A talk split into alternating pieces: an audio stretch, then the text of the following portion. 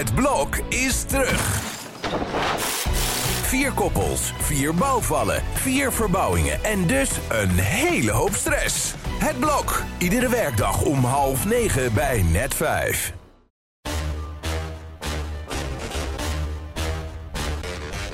Dit is Strik Privé. De dagelijkse showbiz-update met Evert Zandgoeds en Jordi Versteegde. Op privéday natuurlijk. En eh, ja, het- de naam van Rachel noemen we tegenwoordig in één adem met het woord rel, hè Evert? Zo is dat. Je Ja. kan het ook afkorten tot rel. En het is, eh, ja, het is, het is, ze zoeken ze wel uit, de assistenten. Ze liggen met iedereen overhoop. Natuurlijk al een jarenlange procedure van Marieke, waar niemand nog een touw aan vast kan knopen. Maar ja, wat wel het een en ander eh, teweeg heeft gebracht. En nu weer met Nino Wilkes, de zoon van, van Rosanna Lima, die ook een tijd de assistent is geweest van, van Rachel. En die ze er nu van beschuldigt ooit 70.000, kleine 70.000 euro van haar gestolen te hebben. Hm. Maar ja, ik geloof dat Rachel zo achterdochtig is dat ze van iedereen denkt dat, dat ze bestolen is. Al moet ik zeggen dat er wel aantoonbaar een betaling is gedaan door Patrick Kluivert van 69.000 euro, die daarmee het geld van zijn stiefzoon zou hebben terugbetaald. Dus Hm. er is weer van alles aan. Het was al zo stil rond Rachel. Je dacht toch niet dat ze in dat theewinkeltje zou staan en helemaal rustig. Dus dat kon al bijna niet uitblijven. Of er zou wel weer wat aankomen. Nou, ze heeft het weer voor elkaar. En eh, ja, hoe dat dan allemaal zit met, met juice channels die ze zelf voedt en zo. Ik ben er wel overtuigd dat ze dat eh, vaker gedaan heeft. Ook in de tijd van, eh, van Monique en zo. Hm. Maar ja, het is een oude, ja, Oh ja.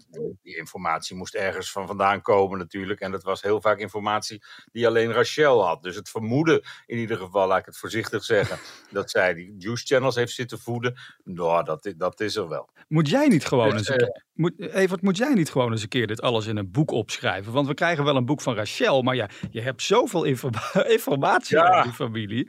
Het- Ja, maar elke dag een pagina en elke week een blad, dat maakt dat je toch niet heel veel tijd hebt om nog eens een boek te gaan schrijven. Ja. Ik heb het al wel gedaan in het verleden, maar we kunnen wel weer eens een update eh, gaan organiseren voor eh, volgend jaar zomer of zo. Kijk. Maar eh, ja, deze affaire is de nieuwste in een hele lange reeks. En eh, ja, Rachel en, en Rust, het, het, het, allemaal met een R, maar daar houdt het ook mee op. Rel, daar houden we het bij. Ehm, ja, wat ook een flinke rel was, was natuurlijk die zaak hè, tussen Lil Kleine en Jamie Vaas over het broodrooster hè, dat verdeeld moest worden.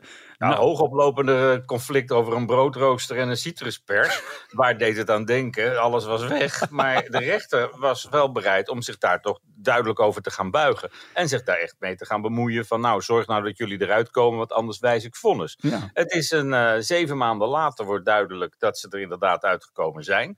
Dat komt op een moment dat eh, Jamie vorige week liet doorschemeren dat het iets beter gaat in de verhoudingen met, met Lil Kleine. Dat neemt niet weg dat het nog steeds een zitting komt natuurlijk voor de vermeende mishandeling. Met het eh, wel of niet met de hoofd tussen de deuren douwen van die auto. Mhm. En, en- maar verder, ja, die zaak over die broodrooster en die citruspers, dat is eh, opgelost naar het schijnt. Want de zaak is van de rol gehaald. Nou. En dat houdt in dat partijen er dus wel uit zijn. Nou, Kleine zei destijds hè, bij die zaak van... joh, ze mag van mij alles hebben. Het, het, het horloge, de waterkoker, et cetera. Als ik Leo maar mag zien. En dat ja. Ja. heeft inmiddels plaatsgevonden natuurlijk. Volgens mij ziet hij eh, Leo steeds vaker. Dus misschien is dat Nou wel de ja, en zij ging meedoen met een of ander reality-programma. En dan heeft ze ook oppas nodig. Dus dat zal eh, misschien dan ook eh Lil Kleine zelf. Of Jorik Scholten, zoals hij Oh ja. eigenlijk heet, lees je dan altijd. Ja, ja, ja, ja, ja. Hoe lang zou eh, Jamie Vazen trouwens over dat reality-programma gesproken? eh, dat is Expeditie Robinson. Hoe lang denk jij dat ze het daar heeft volgehouden op dat eiland? Ik heb geen idee. Maar als je alleen maar op een, eh, in een hangmat hoeft te, zou hoeven te liggen, dan houdt ze het lang vol. Want daar heeft ze lang genoeg op geoefend de afgelopen jaren op Ibiza. Wauw. Ehm, onrust dan op Texel, want eh, daar zien sommige bewoners liever dat Hans Klok de verdwijntruc doet, geloof ik, hè? ja, Hans gaat daar optreden. Ja. En eh, ja, dan wordt ook wel eventjes duidelijk met wat voor circus hij rondrijdt. Met tientallen wagens die allemaal naar dat eiland moesten. Ja. Waar die op- ruim op tijd gearriveerd is. Zelfs te vroeg volgens een enkele eilandbewoner. Die geklaagd heeft dat hij zijn tent nu al opgeslagen heeft. Terwijl die voorstelling pas eind van de week is.